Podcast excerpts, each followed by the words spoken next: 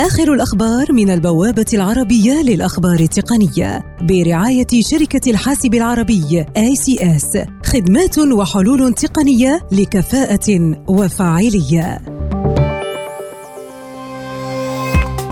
شركة سوني تقول إن الجيل التالي من منصة بلاي ستيشن الذي يطلق عليه حاليا اسم بلاي ستيشن 5 لن يكون جاهزا للإصدار في العام الحالي. وكانت سوني قد وعدت مستخدميها بتوفير الإصدار برسومات بدقة 8K شركة تويتر تختبر عبر تطبيقها التجريبي تويتر المخصص لاختبار المزايا التجريبية ميزة جديدة لتسهيل إبداء الإعجاب بالتغريدات وذلك عن طريق سحب الإصبع على الشاشة من اليمين إلى اليسار.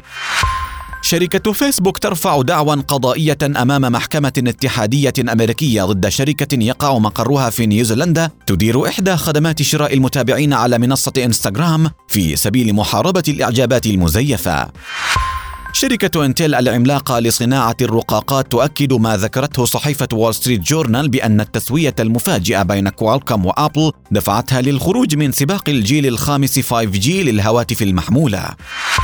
أمازون تعلن تحقيقها أرباحا تزيد عن مليار دولار شهريا خلال الأشهر الثلاثة الأولى من العام الحالي بصافي أرباح تصل إلى 3.6 مليار دولار للأشهر الثلاثة الأولى بالرغم من أن نمو أمازون يتباطأ وفقا لبيان الأرباح.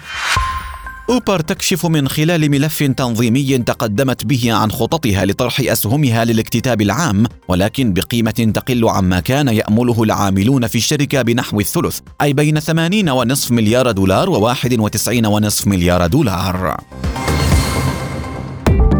آخر الأخبار من البوابة العربية للأخبار التقنية برعاية شركة الحاسب العربي ICS خدمات وحلول تقنية لكفاءة وفاعلية. لمزيد من تفاصيل هذه الأخبار وأخبار عديدة يمكنكم زيارة موقع البوابة على شبكة الإنترنت aitnews.com